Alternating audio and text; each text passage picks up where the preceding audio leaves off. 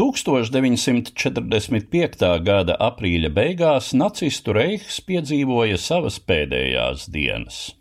Sarkanā armija, ielenkusi Berlīni, tagad lauzās cauri galvaspilsētas drupām uz centru. Šeit, bunkurā zem valsts kancelējas ēkas, bija patvēries nacistu līderis Adolfs Hitlers līdz ar dažiem tuvākajiem līdzgaitniekiem un svītu. Un šeit, bunkura mazajā pieņemšanas zālē, 1945. gada 29. aprīļa pirmajās stundās notika kāda ceremonija. Berlīnes Haulētera biroja ierēdnis Ādolfs Vāgners civilā ceremonijā salauzāja Lielvācijas vadoni Ādolfu Hitleru un Evu Braunu, oficiālā statusā valsts kancelējas sekretāri. Neoficiāli visiem bunkura iemītniekiem, protams, bija zināms, ka Eva nu jau vairāk nekā desmit gadus ir Fīrera mīļākā. Ādolfs Hitlers, tobrīd Vācijas politikas uzlecošā zvaigzne, un Eva Brauna iepazinās 1929. gada rudenī fotomākslinieka un nacistu partijas aktīvista Heinricha Hofmaņa ateljē Minhenē, kur Eva bija pieņemta darbā par palīdzi un mācekli. Nākamajam Fīreram tobrīd bija 40, Minhenes sīkpilsoņu ģimenes atvasēji Evai 17. Spriežot pēc laika biedru atmiņām, attiecības iesila lēnām, un vismaz pāris gadus starp abiem nav bijis intīmas tuvības.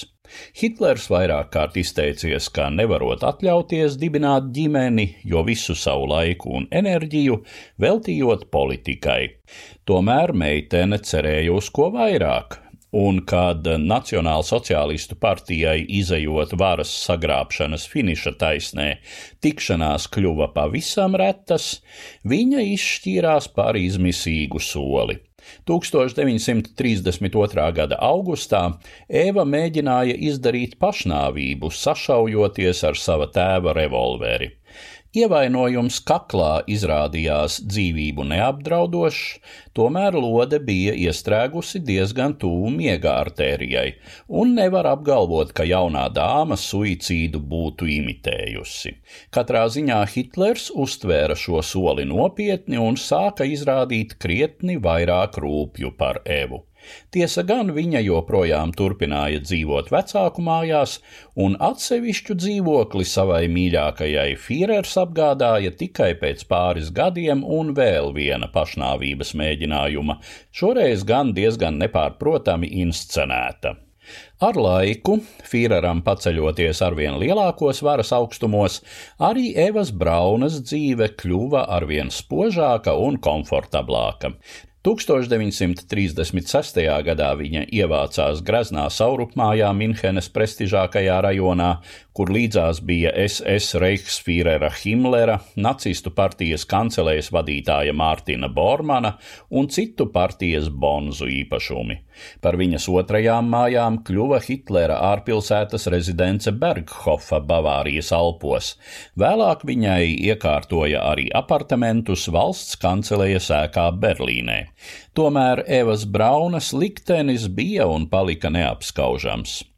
Hitlers, pēc visas spriežot viņas mūža vienīgais vīrietis, tā arī neuzskatīja par vajadzīgu piešķirt oficiālas laulātās draudzenes statusu. Viņa bija un palika tikai mīļākā, par kuru zināja ierobežots pietuvināto ļaužu loks, bet lielākā daļa vācu tautas pat nenojauta.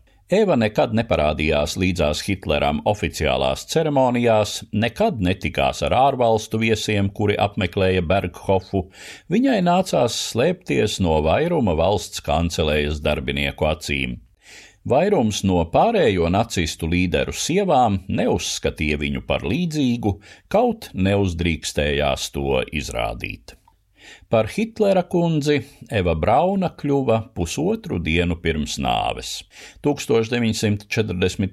gada 30. aprīļa pirmajās stundās bunkurā tika saņemta ziņa, ka sarkanarmieši jau atrodas Vilhelmstrāsē, pavisam netālu no valsts kancelējas. Tās pašas dienas pēcpusdienā Hitleru pāris izdarīja pašnāvību. Stāstīja Eduards Liniņš.